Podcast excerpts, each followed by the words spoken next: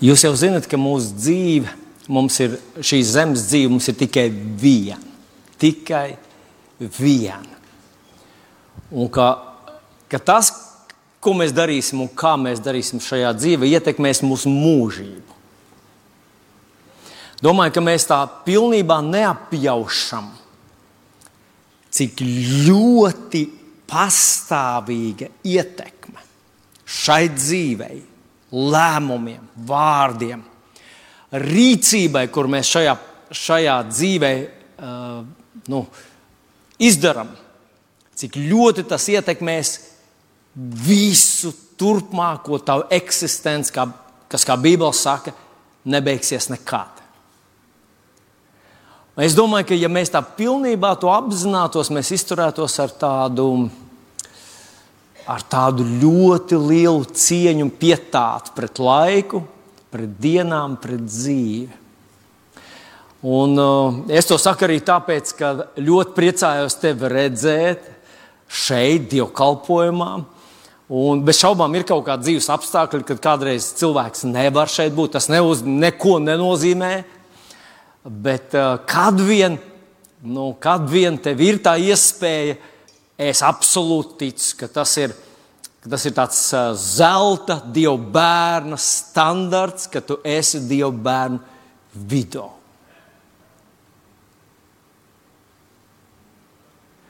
Amen. Jā. Šajā, šim divkalpojumam es devu tādu maķenītu, laik, laikam atbilstošu nosaukumu. Es nosaucu to uh, dziesmu un dēļu diena. Es zinu, ka vīri uzreiz sabīstās, būs jādejo.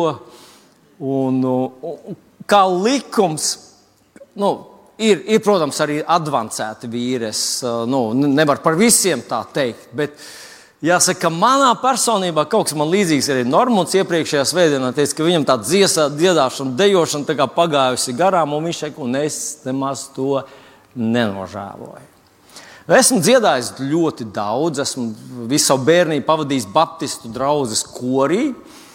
Un jāsaka, ka nekāda liela sajūsma tā dziedāšana manī neizraisa.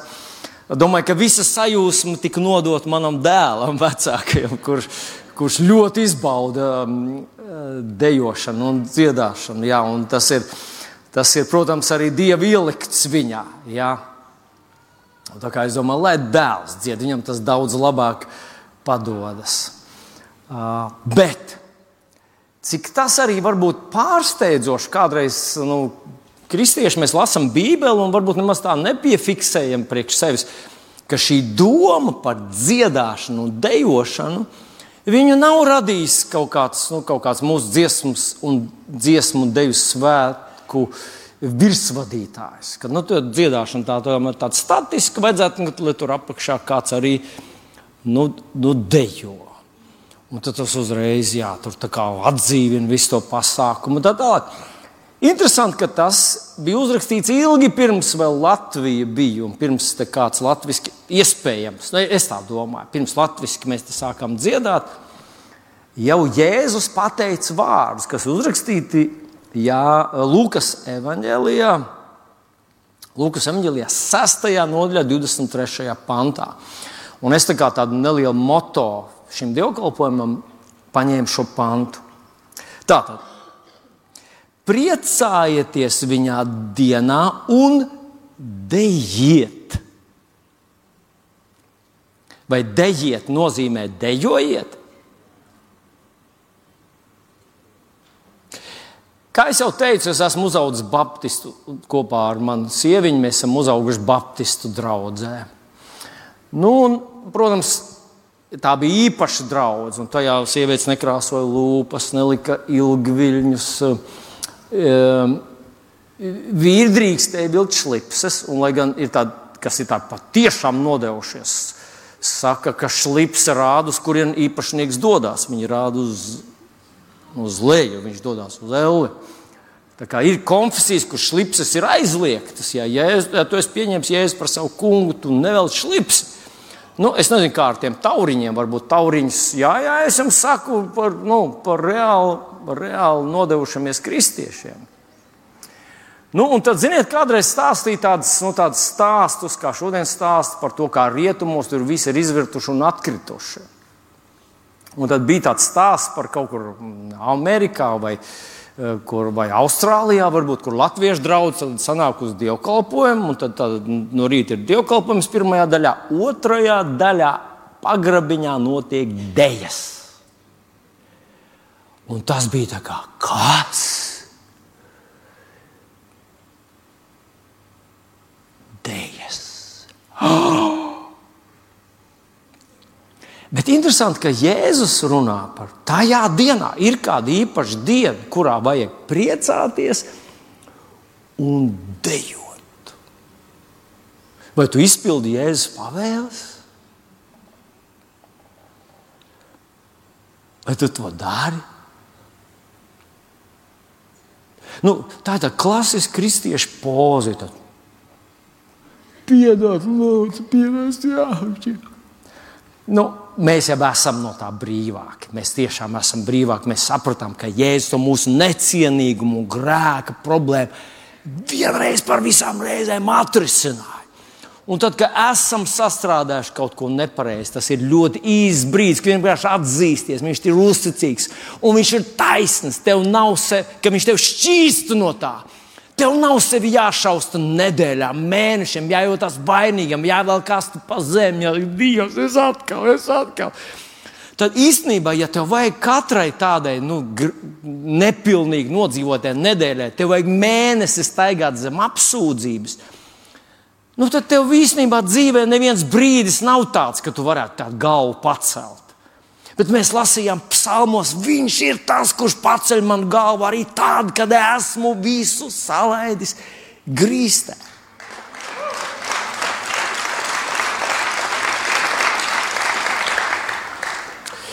Nu, bet, būdams ar tādu, ar tādu pagātni, tāds deju skeptiķis, es mēģināju palasīt, kas tad ir rakstīts citos tulkojumos, teiksim, nu, tajā pašā uh, King Jamesā.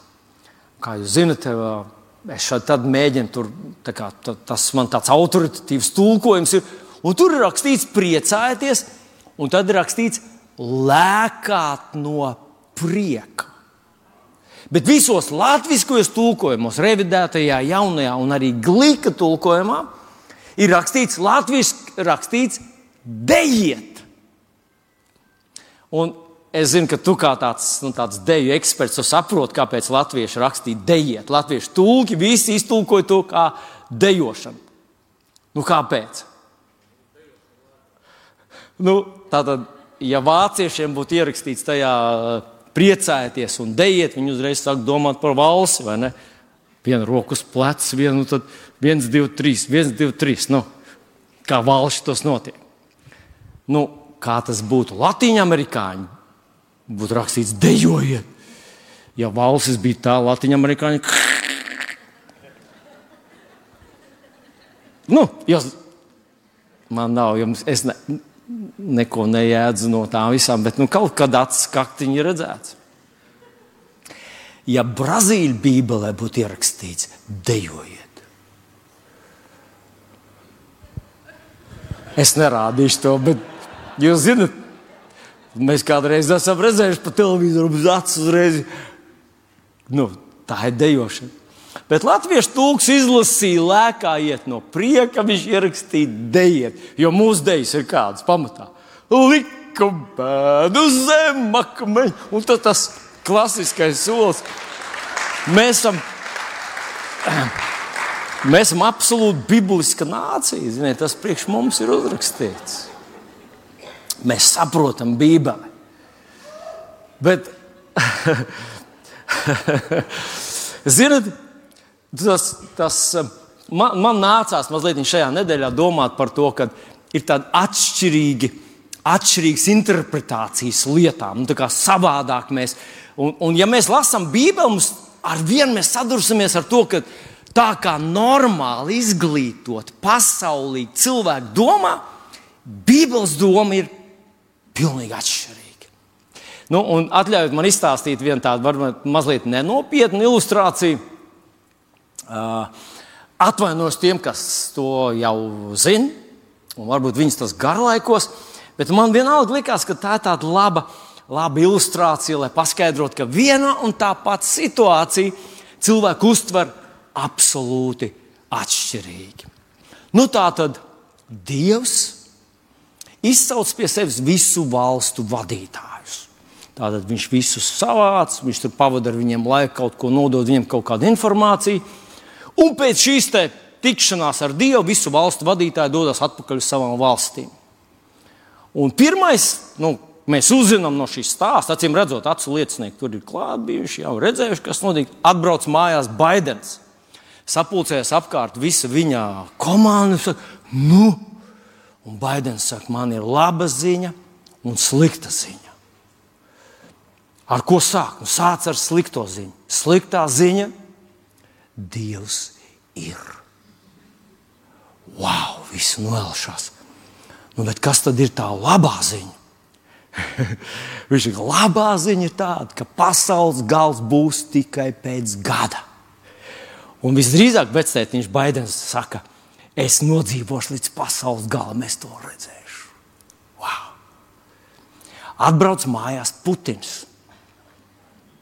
Viņam arī sanāk, viņa tā tuvākā kliķa apkārt viņam un saka, nu ko tad? Putins saka, divas sliktas ziņas man ir. Nu, pirmā sliktā ziņa - Dievs ir. Viss tā viņa tā vi, oh, saķer galvas, visi tie garīdznieki un visi tie nu, visi militāri personas. Un kas tad ir otrā ziņa? Otrā ziņa - pasaules gals jau pēc gada.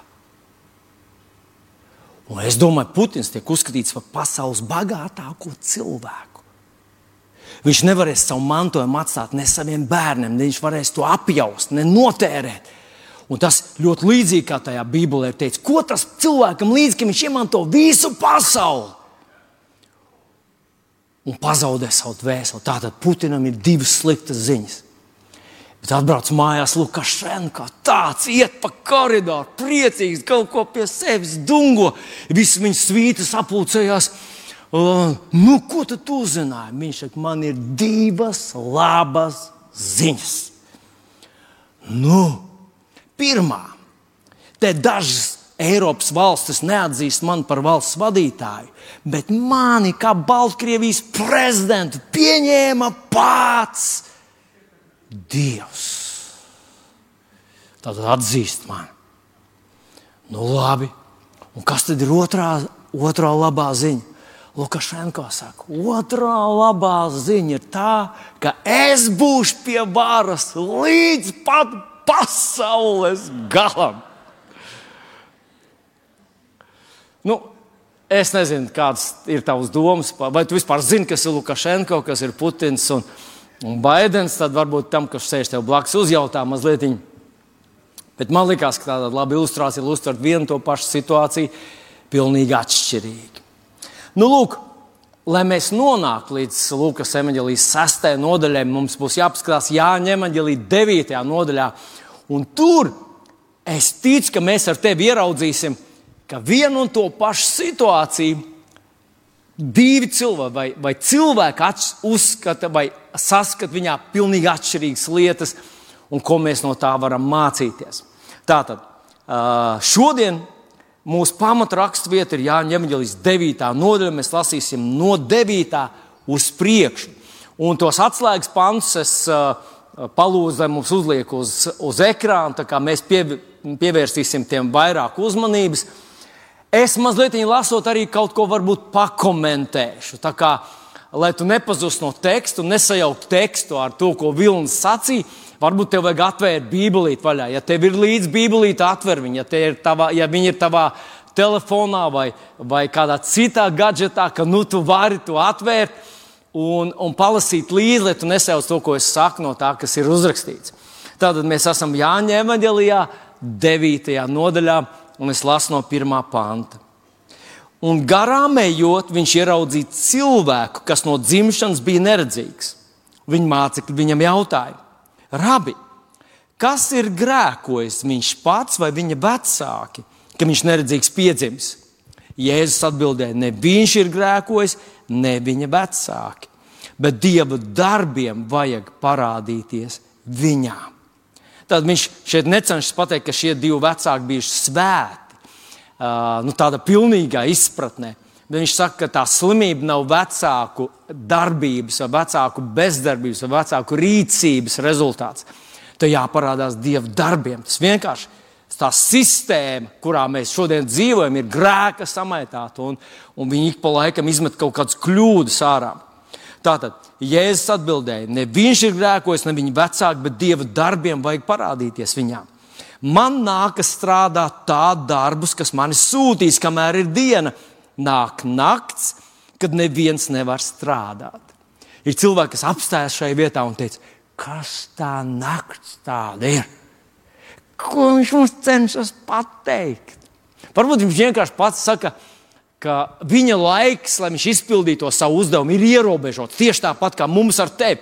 Mums nav viss uh, vajadzīgais laiks, mums tiek automātiski iedots. Lai mēs izpildītu tos savus vecāku pienākumus, laulātā pienākumus, kristieša misijas pienākumus.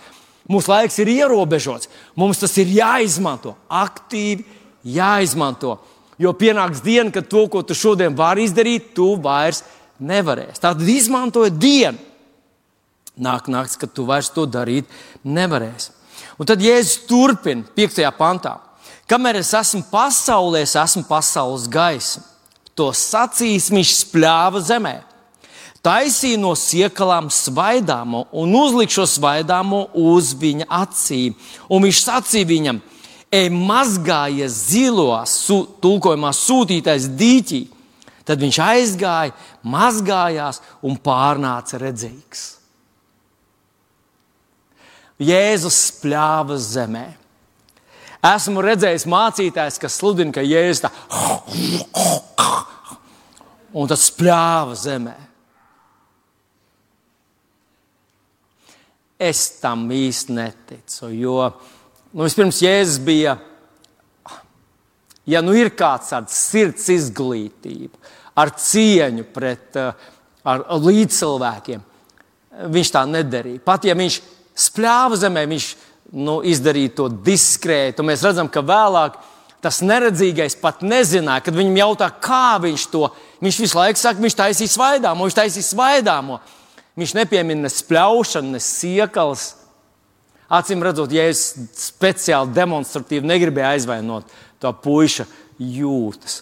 Viņam nevajadzēs sarauties, ka viņš dzirdēja jēzus spļāvienu. Bet tātad viņš taisa svaidāmo no savām siekalām. Un viņš sūta to aklo puisi mazgāties uz zilos dīķi, ka esmu lasījis uh, Bībeles pētnieks, kas saka, ka viņam bija jāiziet cauri visai pilsētai. Tas bija viņam grūti izpildāms pienākums šim aklajam, tā laika pasaulē atrast to dīķi. Tas bija vesels pārbaudījums. Ja tam cilvēkam nebūtu ticības, ka Jēzus svaidāmais kaut ko izdara, ka viņa vārdi kaut ko izdara, ka viņš kaut ko izdara, tad viņš atmes šo bezgalīgi grūto ceļojumu un vienkārši palika tur, kur viņš izslaucītu acis un viss. Bet acīm redzot, tur viņam vajadzēja šo ticību, vajadzēja paklausīt. Jēzus tā teica. Jēzus man teica, ej, mazgājies, un tu kļūsi redzīgs. Un viņš devās šajā bīstamajā un tālajā ceļā, nevieglajā ceļā, un pārnāca redzīgs. Bet mēs lasām tālāk. Tad viņš aizgāja un pārnāca redzīgs. 8. pants. Tad kaimiņi un citi, kas viņu iepriekš bija redzējuši, ka viņš ubagoja, sacīja, vai šis nav tas, kas sēdēja un ubagoja? Iedomājieties, ja tev pienāk cilvēks klāt un saka, vai tu neesi tas, kas tur ubagoja kaut kur uh, tunelī? un tā viņa tajā laikā tā pavisam vienkārši viņam jau, vai šis nav tas, kurš tur ubagoja, tas aklais? Un daži sacīja, nē, viņš tas nav, viņš ir līdzīgs tam. Bet viņš pats sacīja, es tiešām tas esmu, kurš tur tas aklais, kas tur ubagoja. Un tie viņam sacīja, Kā tad tavas acis ir atvērušās? Viņš atbildēja, cilvēks, kuru sauc Jēzus, iztaisīja svaidāmo, svaidīja ar to manas acis un sacīja man, ej uz zīlo un mazgājies. Tad es aizgāju un mazgājos un kļuvu redzīgs. Varbūt, ja tu lasi Bībeli jau sen, tev liekas, nu jā, nu, tas ir viens no tiem stāstiem, kurus ja es izdarīju. Bet padomā, tā puiša pārdzīvojuma no dzimšanas, tu neesi redzējis sauli, neesi redzējis savus vecākus, neesi redzējis kokus, neesi redzējis ūdeni, neesi redzējis neko. Viss, ko tu esi redzējis, tu esi vai nu dzirdējis, vai sataustījis. Un nu pēkšņi tavs acis ir atvērušās. Tu atnāc atpakaļ, un tas, kā tu biji stādies priekšā to, dī, to, to, to aku, kā tu biji stādies priekšā to vietu, to pilsētu, pēkšņi tu to visu redzi pavisam citām krāsām. Es nezinu, vai tu kādreiz esi staigājis tādā saulainā dienā pāri, un tad iegājis veikalā kaut kur, un tev liekas, kas tajā veikalā ir, tu neko nevari redzēt. Tā aizmirst noņemt savus saules brilles. Nu, viņam tas bija desmit reizes saules brilles. Vienā mirklī noņemtas nost. Un viņš teica, ar to savu sajūsmu, viņš ir pārnācis redzīgs. Tad tie cilvēki viņam saka, jā, un es pārnācu. Tie viņam jautāja, kur viņš ir. Viņš sacīja, es nezinu. Tad viņš nezina, viņš nebija redzējis Jēzu. Viņš nezina, kur Jēzus ir. Viņš vienkārši devās savā misijā tur un atgriezās redzīgs. 13. pantā tad viņš šo agrāk neredzīgo cilvēku aizved pie farizējiem. Bet tā diena bija sabats, kad Jēzus bija taisījis svaidāmo un bija atvērs viņa acis. Tad farizēji viņam atkal uzjautāja, kā viņš ticis redzīgs. Un viņš sacīja tiem, viņš uzliks svaidāmo uz acīm, un es mazgājos un varu redzēt, ja īsāka versija. Tad daži farizēji viņam sacīja, šis cilvēks nav no Dieva, jo viņš nesvētīs sabatu. Bet citi sacīja, kā grēcīgs cilvēks var darīt tādas zīmes, un tie sāka šķelties savā starpā.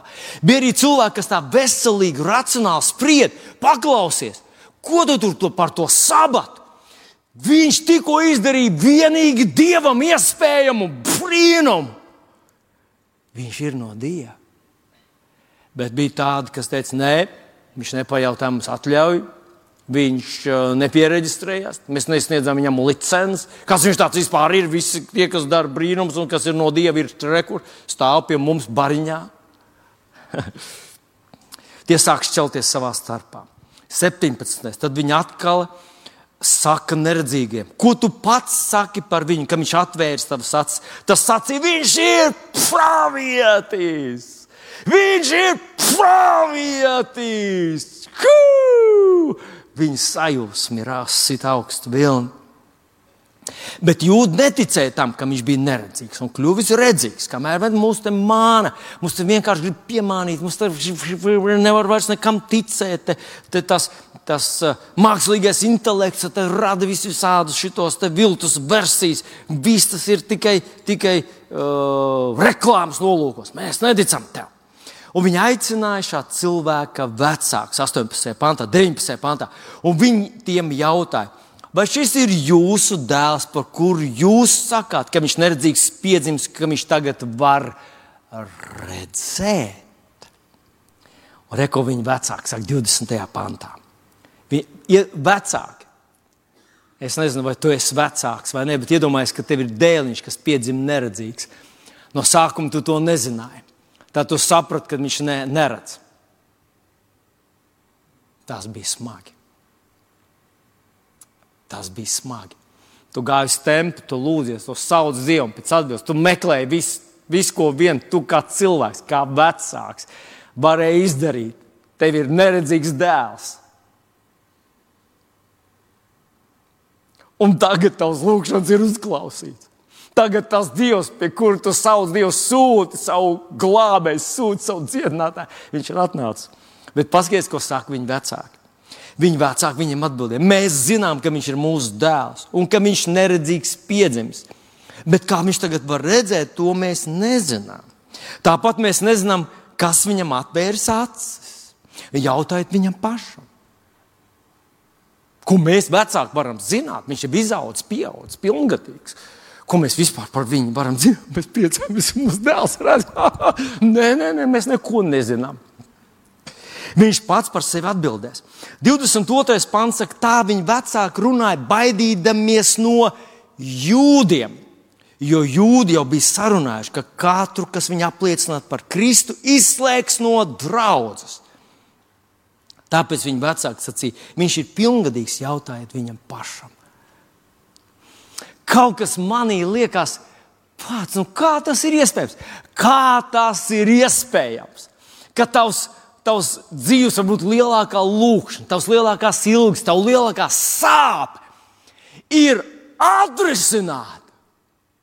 Bet tu ietur tādu politkorektumu, un tu saki, nē, nē, nē es neko nezinu. Es, jā, nē, es zinu. Es, man jau vēl labi dēls, tagad redz, mums jau te vēl būs jādzīvo. Mēs taču nevaram tā vienkārši spļaut ārā, ka, viņš, ka Jēzus ir tas Dievs svētītais, tas Dievs sūdītais, ka Viņš ir tas, kurš dava, dara Dieva darbus. Mēs, starp citu, esam jau gados, un ej, nu, sāzini, kā tur tagad. Līdz šim mēs esam piedzīvojuši vienaldzību, varbūt no tiem varizējiem.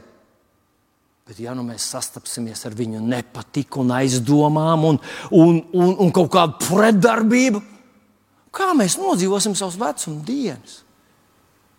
Un viņi ieturēja tādu, tādu drošu, uh, politkorektu, tādu inteliģentu cilvēku, tādu pozīciju. Nē, nē, mēs jau neko, jau, jā, jā, tas ir mūsu dēls. Jā, jā, jā, jā, jā.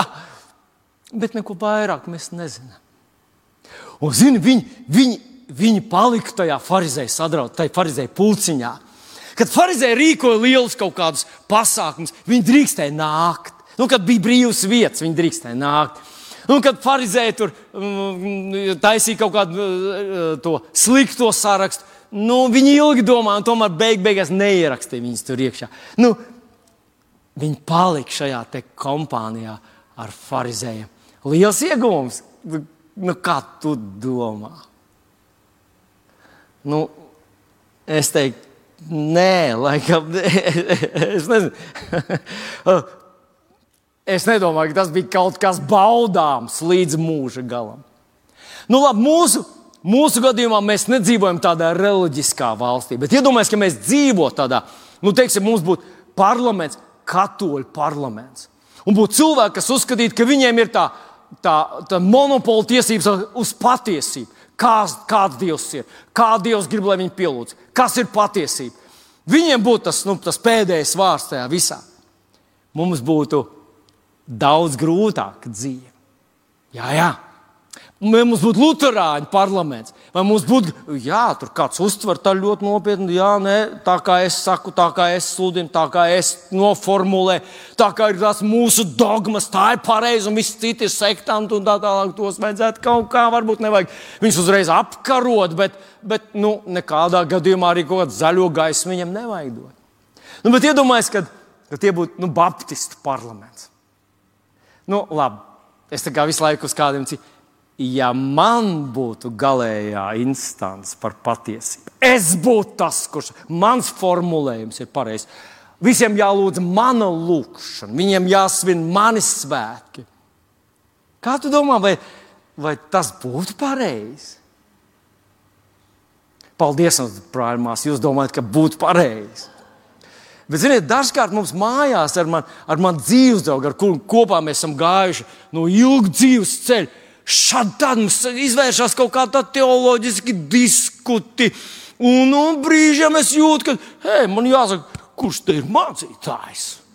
Kurš te ir mācītājs, kurš te teoloģijas fakultātē ir gājis cauri trīs reizes? Nu, nu vairāk gāja cauri, bet nē, viņi nepadodas. Viņi uzskata, ka tā kā viņi saprot. Un, un man par žēlumu jāatzīst, ka Līga ir ļoti sistemātiska, ļoti laba atmiņa. Un, Un tas, ziniet, ir tāds traucēklis teoloģijā. Bet es par to, ka, manuprāt, iedod vienam reliģiskam cilvēkam monopolu uz patiesību, un viņš sāks ierobežot visus citus, jo domās, Dievs darbojas caur mani, Dievs visu saskaņo ar manim, tā kā es domāju, tā ir galējā patiesība, un viņš sāks apkarot visus citus, un šeit mēs to redzam. Paldies Dievam, ka mēs nedzīvojam tādā valstī. Bet, ziniet, dažkārt mums tas farizējs ir pašiem iekšā. Un mēs kādreiz negribam būt tādi nu, īsti atklāti un patiesi. Mēs ieņemam tādu, tādu, tādu, tādu flirtīgu, politkorektu ainu, lai nepateiktu skaidri, kas ir kas. Jo mēs taču negribam, lai mūs no kaut kurienes izslēdz, lai mūs tā kā nu, ieliek ne tajā sarakstā. Un tas brīžiem tas iekšējais farizējs neļauj mums būt tādiem, kādu, kādiem mūsu sirds gribētu būt. Tā, tā dedzīgā mīlestība uz Dievu, to, ko Viņš ir izlaists mūsu sirdīs, ka mūsu gars līdz greizsirdībai mīl to kungu. tu, es redzu, ka tu uz maniem skaties, par ko tu runā, kas tas priekšējā farizē, par tavējo es tieši runāju. Jā, jā, par tavējo. Dažkārt tāda pavisam vienkārša, bērnišķīga, uzticama, godīga, patiesa nostāja ir labākais, ko tu vari parādīt un ar ko tu vari dalīties. Bet mūsu stāsts, mūsu stāsts te vēl nav beidzies, un mēs uh, skatīsimies vēl tālāk. Tātad mēs lasām šeit. Uh, 24. pāns. Pēc tam viņa otrais pasauca cilvēku, kas bija neredzīgs bijis, un sacīja viņam, dod dievam godu.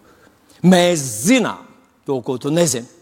Mēs pazīstam to cilvēku. Mums ir īpašas ziņas par viņu. Es, mums ir slepena informācija, ko visi nezina. Mēs zinām, dod dievam godu. Šis cilvēks ir grēcinieks. Ziniet, Es tādu redzu, mm, kaut kāds Holivuda pretendē uz to, ka kaut ko jaunu arheoloģiski atklājam. Tur kāds ir izpētījis, kaut ko izlasījis, kaut kādu rūlis atradis, kaut kur bērniņos par Jēzu, par to, kā tur un kas tur, kāds viņš tur īstenībā ir bijis. Tas ir tas, ko tie farizēji saka. Mēs zinām par viņu, mīļie draugi. Tas viss ir pupu mizas. Viss, kas par Jēzu ir uzrakstīts, ir pārbaudīts simtām reižu.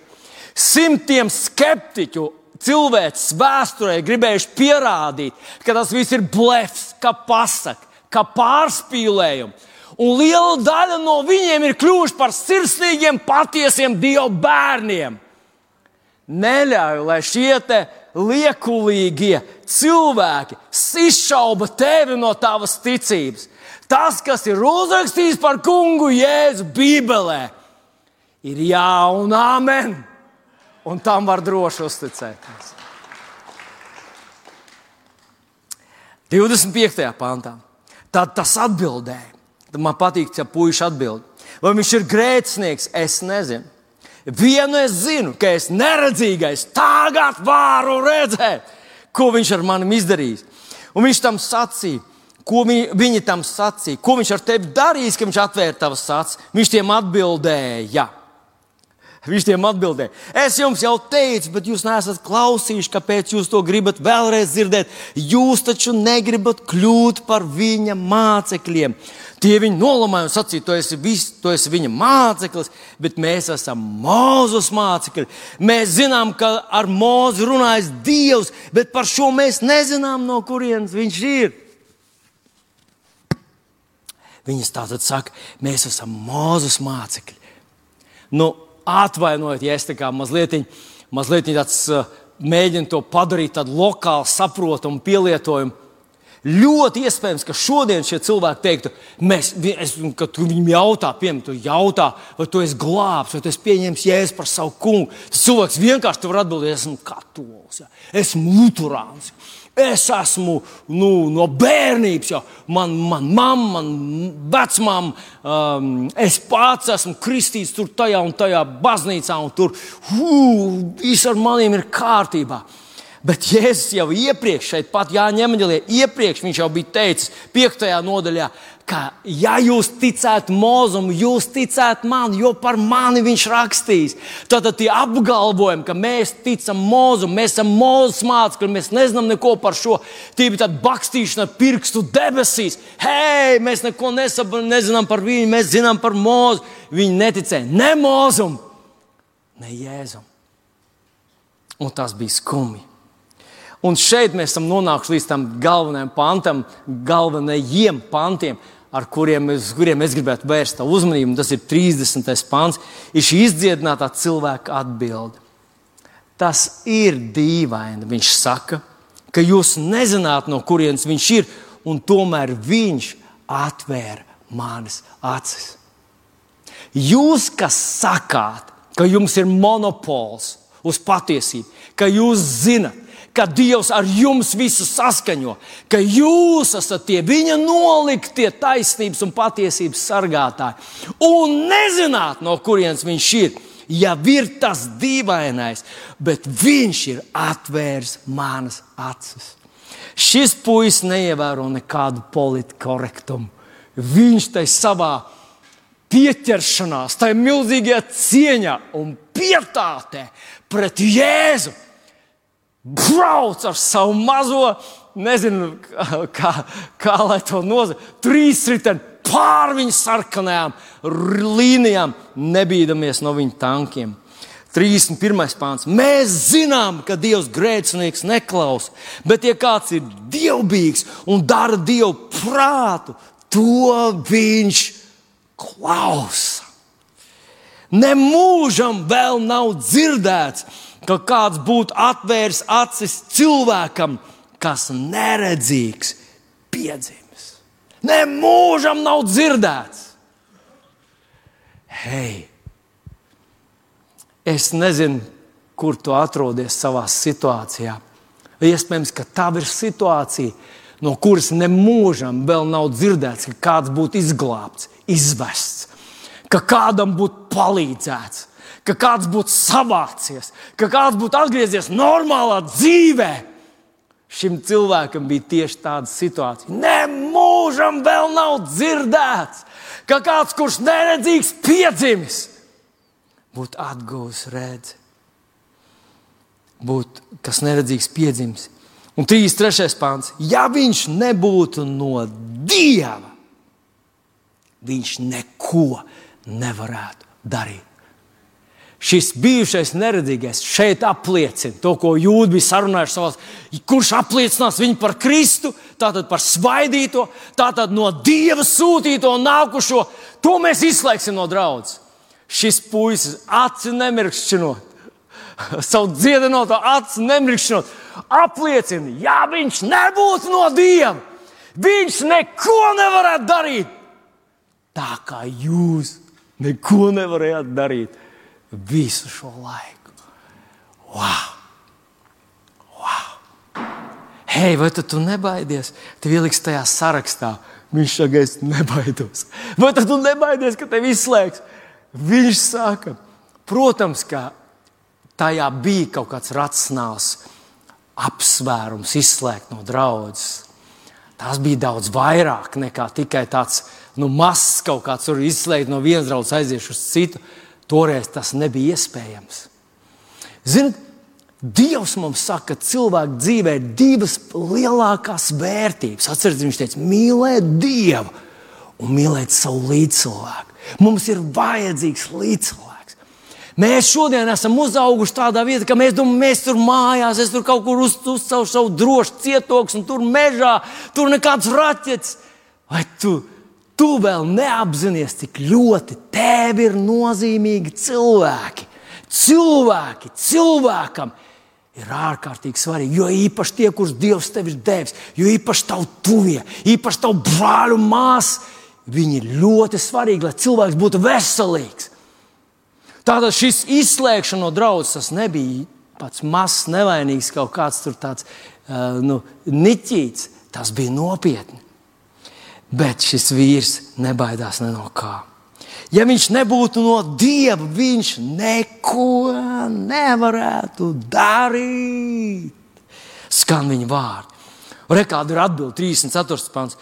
34. pāns. Tad tie viņam atbildēja: Tu viss esi grēkos dzimis. Tā tad viņi bija domājuši, ka tas, ka viņš bija neredzīgs, bija vecāku grēku sekas. Viņi īstenībā pie sevis aiz muguras aprunāja, ka tie vecie ir grēcinieki, tāpēc viņam tāds bērniņš. Jēzus to nedarīja. Šie barizēji tā darīja. Tu esi grēku rezultāts, un tu mūs taisies mācīt. un tie viņu. Izdzina ārā nozīmē izslēdz no draudzes. To, ko viņi draudēja, viņi to realizēja. Un tagad, mans mīļais brāl un māsa, es sevi nostādīju tajā situācijā, un es domāju, kā es atbildētu, ja man kāds jautātu.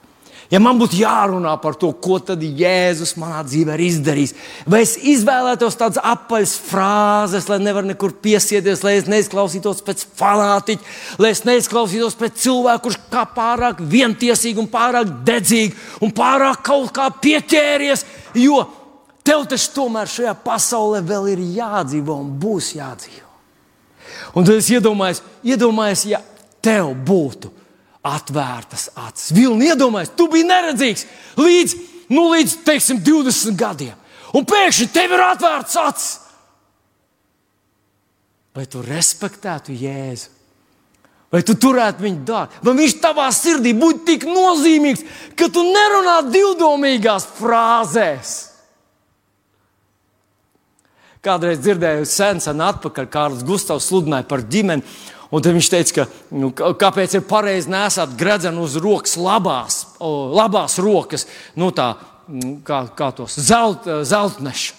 Viņš teica, tas ir svarīgi, jo tu uzreiz gribi visiem pateikt, ka tu pasniedz roku. Viņi redz, tu esi aizņemts, es esmu aizņemts. Tie, kas uz kreiso ir roku tur kabatā un vienkārši sveicinās, viņš ir tas ir svarīgi pateikt. Tā ir mana izvēle, tā ir mana vērtība. Tas ir kaut kas, ko es tik ļoti tur daru un par ko es cīnos un stāvu. Ja tev būtu atdarīts acis vilni, vai tu kavētos, vai tu baidītos, vai tu censtos kaut kā piesakt savu pēcpusi, lai tev kāds kaut ko par to nenodara? Un kā rīkotos tu?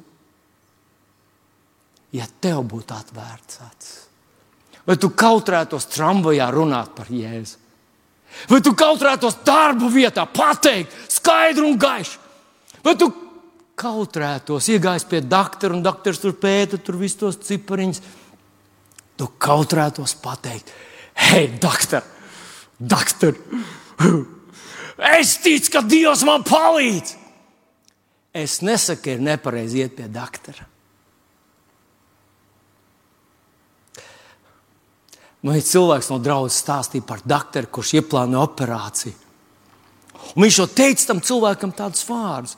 Vai jums ir pazīstami kādi, kas varētu lūgt par jums operācijas laikā?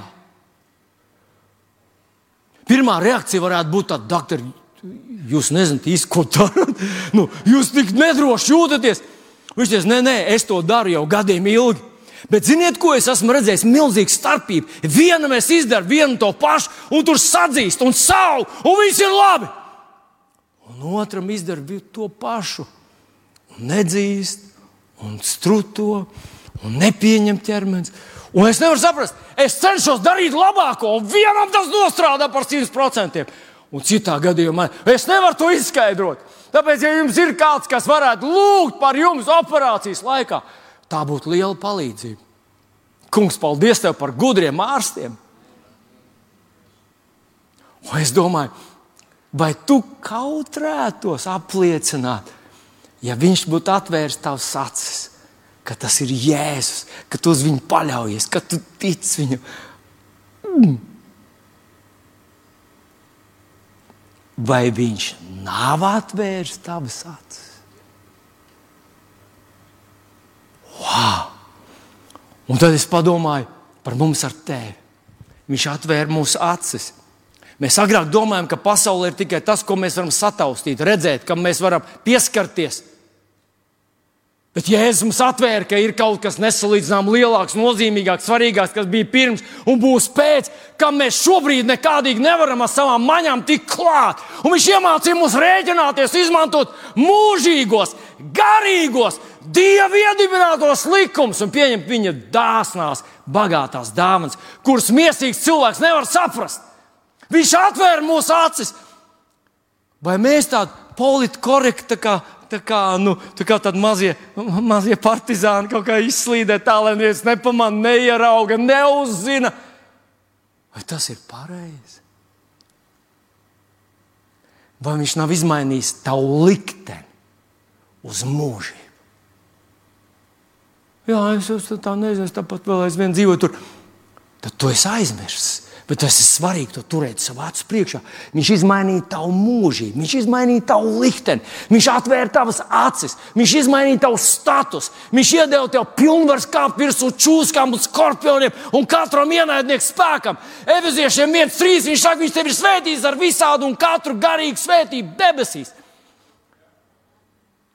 Paklausties ieeja vēstulē, piedodiet, ieeja grāmatā, ja nemaldos, bija trešajā nodaļā.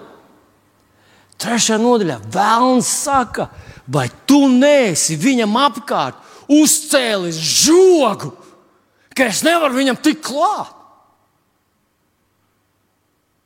Vai es, cilvēks, kuram Dievs apkārt ir uzcēlis žogu, lai Vēlns nevarētu ielaisties manā dzīvē, un es kautrēju, es tādu nu, nu, nu, Dievs jau palīdz, protams vai es neesmu izkūkojis prātu.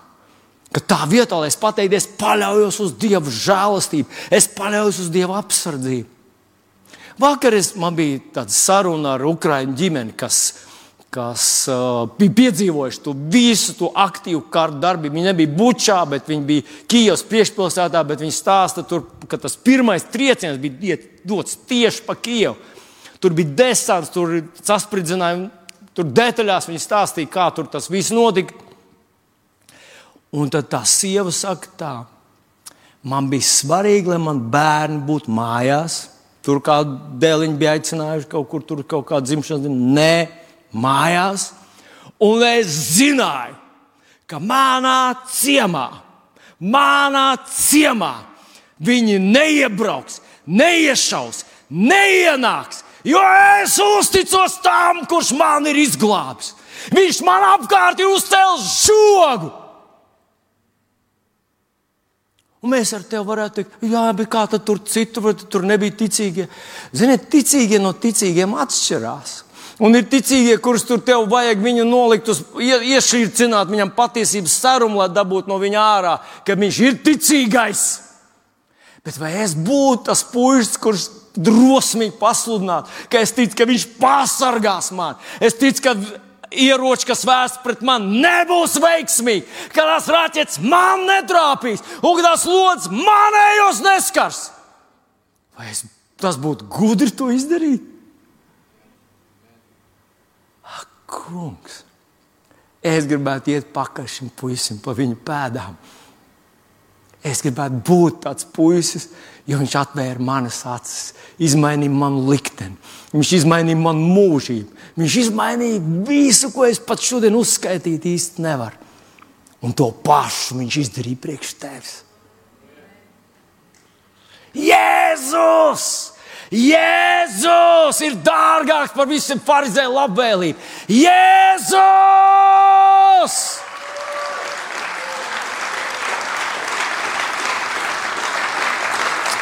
Ah, jā, kungs, Dievs, bet zinat ko?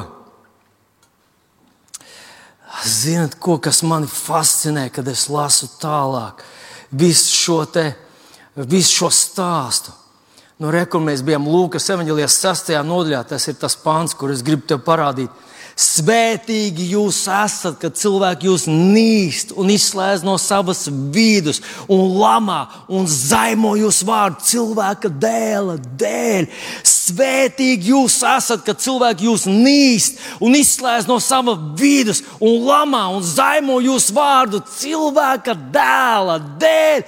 Svētīgi jūs esat, ka kāds aiz muguras parāda tev čok, čok, vai kaut ko kādam pasakā, vai izsvītro tev, vai kaut kas ar tevi notiek. Tāpēc, ka tu tāds naivs puisis pasludināji, ka Jēzus ir tavs dzīves cerība vienā, otrā, trešā un ceturtā jomā.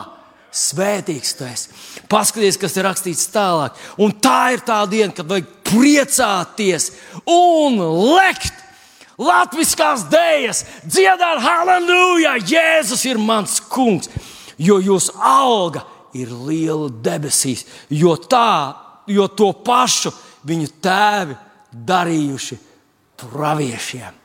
Nezinu, vai tu esi kādreiz iztēlojies, ka tu esi Elija, kurš tur iet pie tā āhaba, kurš tur Elija, kurš tur pie tiem bāla upurē to vērsi, un tur bāla priest ar 400 tur klibo un praviešu tur piesauc uz saviem.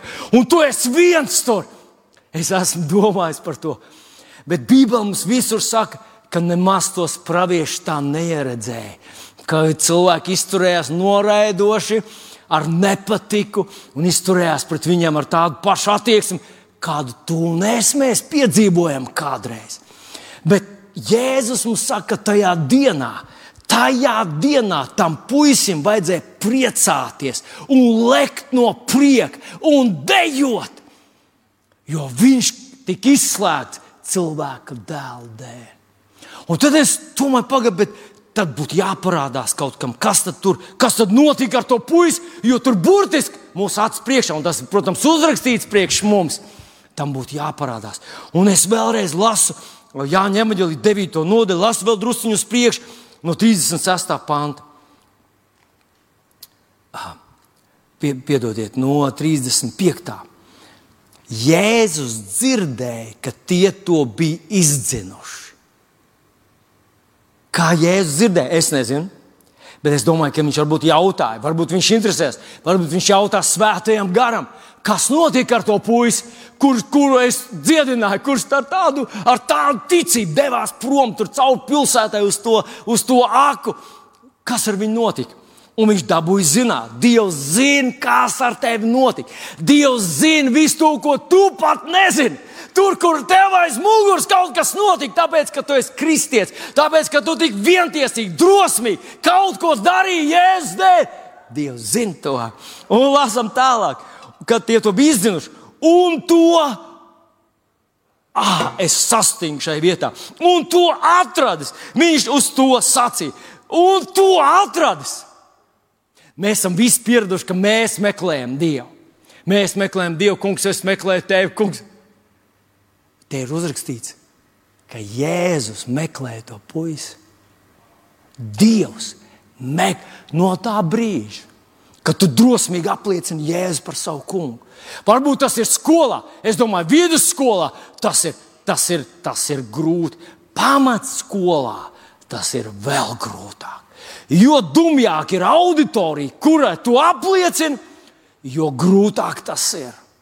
Nu, au, augstskolā, jau universitātē tas ir vieglāk. Tur, tur cilvēki kaut cik jau sāk domāt, bet tu to izdari. Un tam ir sekas. Zini, kas notiek? Jēzus meklē tevi. Un viņš meklē tevi. Ne vienkārši lai tev pasīs pa plecu, teikt, māc, tā turēt. Varbūt tas arī ir nozīmīgi bet esmu pārliecināts, un šeit mēs to redzam. Jēzus viņu atrod. Jēzus viņu atrod, bet tā doma, ka Jēzus meklē mani, Jēzus meklē tevi, lai viņš tevi svētītu. Lai viņš tevi izvest no tās trupceļa bezizējas, kurā tu esi. Varbūt tu esi kaut kādā tādā sastinguma vietā, un tu jau tā saproti, man jau tā es tik knapi, knapi turos, tāpēc es cenšos tāds, zini, tāds Cepts, ne bārīts, es cenšos pabīdīt. Mīļais draugs, tas ir tas mirklis, kad tev vajag Dieva žēlstību un Dieva palīdzību. Tas būtu tas mirklis, kad tev jānostājas pavisam godīgi un vienkārši un jāpasaka, kā, kā lietas ir. Un Jēzus meklē tevi. Jēzus meklē tevi.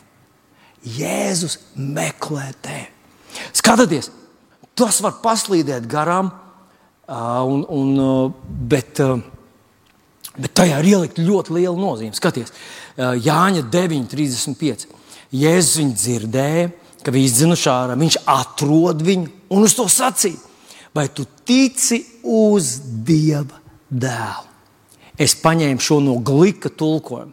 Ir cilvēki, kas ļoti aizstāv šo Ernesta glīka tulkojumu, saka, ka tas ir latviešu King James, ka viņš ir precīzāks, ka viņš ir. Uh, Varbūt tā valoda, tā valoda ar starp citu ir modernizēta jau šajā te, bet ir saglabāts tas glīka, tas, nu, tas tiešums. Un, ja tu paskatīsies angļuisko King James, tu atradīsi, ka tiešām glikam ir, ir ļoti, es nevaru atbildēt par visām vietām, bet ik pa laikam es redzu, ka tieši, tieši viens pret vienu, kad revidētais teksts mazliet nošaubās. Šajā vietā revidētais teksts un jaunais teksts saka Jēzus vārdus, citē tā, vai tu tici uz cilvēka dēlu? Gliks un King James saka, vai tu tici uz Dieva dēlu? Kas tas ir?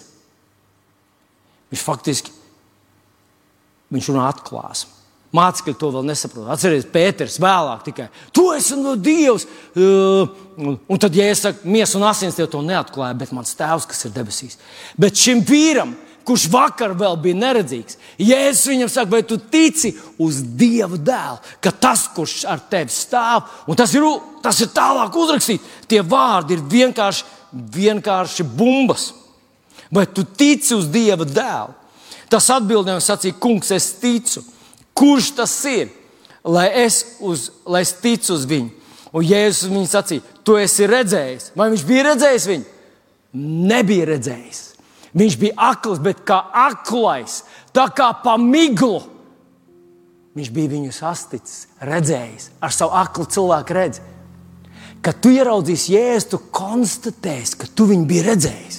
Tev viņš būs tik pazīstams, tev viņš būs tik mīļš un tik normāls. Tu neteiksi, ah, redz, kāds tu esi. Tu teiksi, tieši tādu es tev stādījos priekšā. Tu esi viņu redzējis.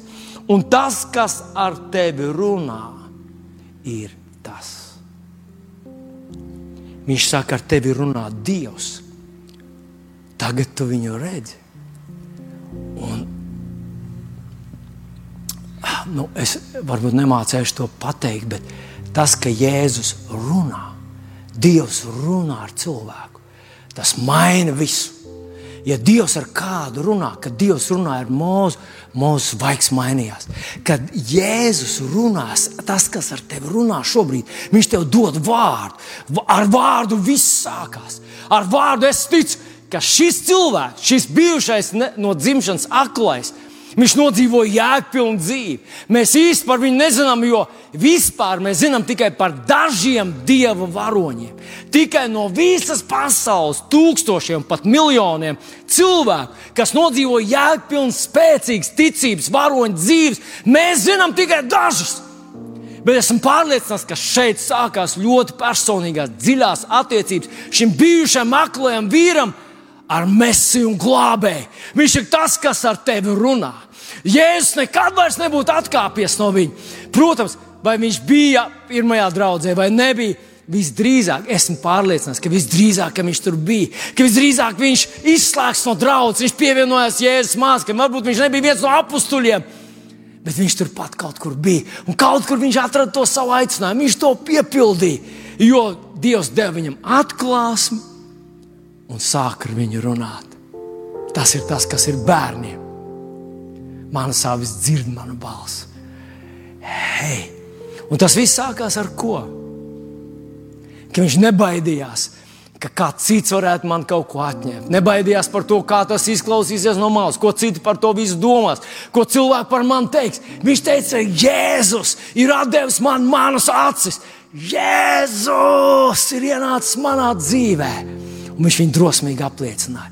Un es ļoti gribētu, lai mans mīļais brāl un māsas, mans mīļais brāl un māsas, mēs ar tevi nebūtu tādi pasīvi, politkorekti vērotāji, kur no malas skatās uz tiem ticības varoņiem un apbrīno, kā viņi tā var un dara. Ka mēs ar tevi būtu cilvēki, kur acis ir atvērts, kur liktenis ir izmainīts, kur mūžība ir dāvināta, kas ir kļuvuši par Dievu bērniem, kas nebaidās ne no šādiem, ne no tādiem, kas drosmīgi apliecina, ka manas dzīves glābējs un kungs ir Jēzus Kristus. Un to daru uz ielas, vai darba vietā, vai mājās, vai pie doktora, vai visur, kur citur. Jēzus, kas man apliecinās cilvēku priekšā, to es apliecināšu eņģeļu priekšā. Dieva un eņģeļa priekšā. Ko dari tu?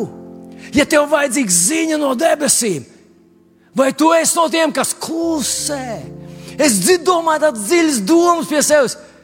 Tas tā nedarbojas. Kas man apliecinās cilvēku priekšā, to es apliecināšu Dieva un eņģeļa priekšā.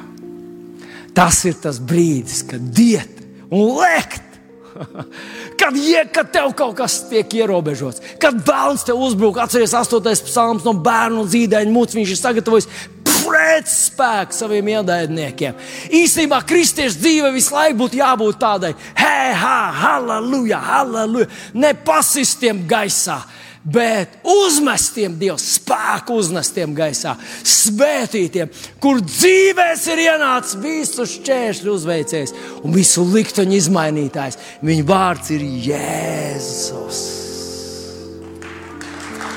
Jēzus. Jēzus. Piecelsimies kājās.